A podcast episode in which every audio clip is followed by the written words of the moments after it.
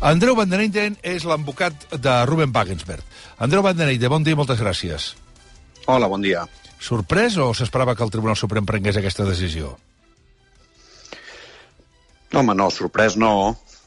Hi han, hi han hagut tantes discussions en, que, que de han, han estat publicades que potser la, la situació era una mica que, que podia passar qualsevol cosa. El que passa és que no, no es podia descartar que el Tribunal Suprem volgués tornar a agafar el protagonisme i ser el, no, el, el buque insígnia d'aquesta batalla política. Per tant, tampoc és tan d'estranyar. Mm. Ara s'entén per què va marxar a Suïssa Ruben Wagensberg, perquè segurament s'ho veia venir. Bueno, jo crec que el Rubén, ja ho ha explicat, eh, tenia claríssim que la feina que feia ell, ell és un polític, és una persona dedicada a la cultura de la pau, que la feina que havia de fer l'havia de transportar en una altra eh, jurisdicció eh, i, evidentment, el que està fent des del dia 1, quan, des, de, des de la seva nova localització, és eh, intentar treballar per que tothom conegui què és el que està passant, posar-se en contacte amb les organitzacions internacionals i, bueno, traslladar la seva feina política en un lloc on la pugui fer en condicions. Uh, si el Suprem el cités a declarar a Rubén a Wagensberg, hi aniria o, o anar és arriscar-se a acabar tancat en presó preventiva? A veure, ha, aquí hi ha dues coses. Um, avui en dia ser independentista és arriscar-se a que et puguin hem de tenir. això ja, això ja, ho, ja ho estem entenent. Vull dir, eh, hem arribat en un punt en què ja hem vist fins a l'últim punt la construcció d'aquest nou delicte, no, que és el delicte d'independentisme. Hi ha un nou delicte, ja ho, ja ho hem vist, al final ens ho han corroborat de totes les maneres i, per tant, ser independentista és delicte, aleshores aquest risc existeix sempre. El que passa és que jo tinc la, el costum de no suplantar la responsabilitat que té la persona de prendre les decisions sobre la seva vida i per tant jo no sé eh, el que farà el Rubén, ell ho ha de decidir i, i el que farem és ajudar-lo tècnicament fins a les últimes conseqüències. Què li recomanarà Andreu Van No, jo no recomano mai res.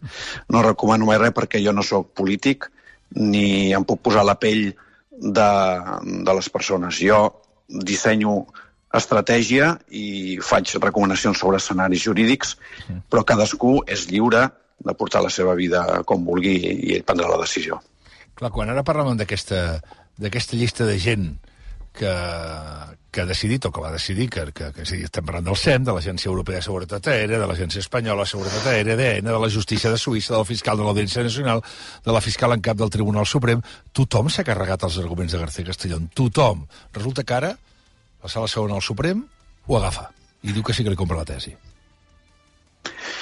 Bé, a, a veure, però el, el que és molt curiós és que quan agafen la tesi i l'escriuen posen que és indubtable i no hi ha cap dubte de que les coses són com ells diuen.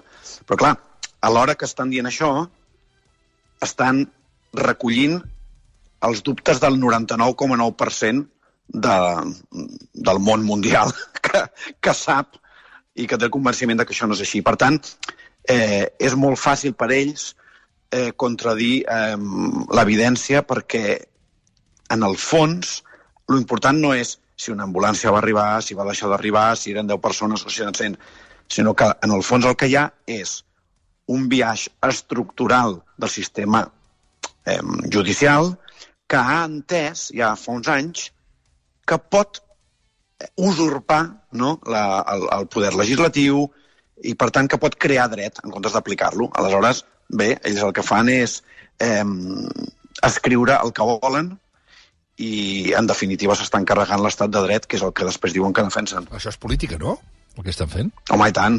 Però és que això ja, ja fa molt de temps que ho veiem. Eh, el que passa és que la nostra feina és intentar denunciar-ho i que, que s'entengui internacionalment, però que fan política eh, a veure, ells el que estan fent és intentant dinamitar eh, una llei, que és la llei d'amnistia, eh, per tant estan intentant dinamitar una solució política eh, perquè no els agrada, i per tant el que fan és política. Per tant, veu, veu clara causa-efecte en la tramitació de la llei d'amnistia amb tot això que està sortint ara? Home, sí, sí, sí, és evident. Eh, S'està construint un, un, com un imaginari mm, en, el, en, en aquella banda, no?, segons la qual les amnisties eh, no haurien d'existir o si existeixen haurien de ser per, per qüestions de, de bagatela, no? perquè segons ells l'amnistia no pot eh, afectar qüestions tan profundes un, un conflicte polític eh, com el que tenim, no? Eh, bueno, ells estan construint això, estan construint la idea del terrorisme, estan construint doncs, tot aquest nou relat que faran servir per parar eh, doncs, doncs una solució política i, so, i segurament també per les seves no sé, per les seves finalitats concretes, no? Atacar el govern de torn espanyol o el que sigui. Uh, aquesta acusació de, de terrorisme, acabo ja, eh? amenacen de deixar en paper mullat la llei d'amnistia que s'està tramitant al Congrés i si estaria d'acord Andreu Banderenya, com diu el seu col·lega Gonzalo Boye, que s'hauria de retirar tota referència al terrorisme de l'amnistia per evitar precisament aquestes maniobres de García Castellón o de Manuel Marchena. A veure, jo, jo ni... Em costa molt ficar-me en, en el terreny dels que estan negociant la llei d'amnistia. Per tant, jo confio que, i el company ho sabrà millor també perquè ell està més ficat, confio que la solució política que es farà serà la millor. Vale? Eh, en tot cas, mm, suposo que la batalla jurídica serà eh, ineludible. És a dir, hi hagi el redactat que hi hagi, el Poder Judicial intentarà trobar la fórmula per oposar-s'hi. Ja ho hem vist abans, ja he anat ja dos vegades a Luxemburg, el, el dia del, de l'1 de l'aeroport jo era a Luxemburg, i eh, en una vista en la qual tot el Tribunal Suprem i tots els fiscals del Tribunal Suprem deien una cosa i nosaltres en dèiem una altra i ens van donar la raó. Per tant, ells contradiran l'evidència les vegades que faci falta i això ho haurem d'exportar, evidentment, a una discussió internacional, que és el que venim fent últimament, perquè ens entenguin les jurisdiccions que ens emparen.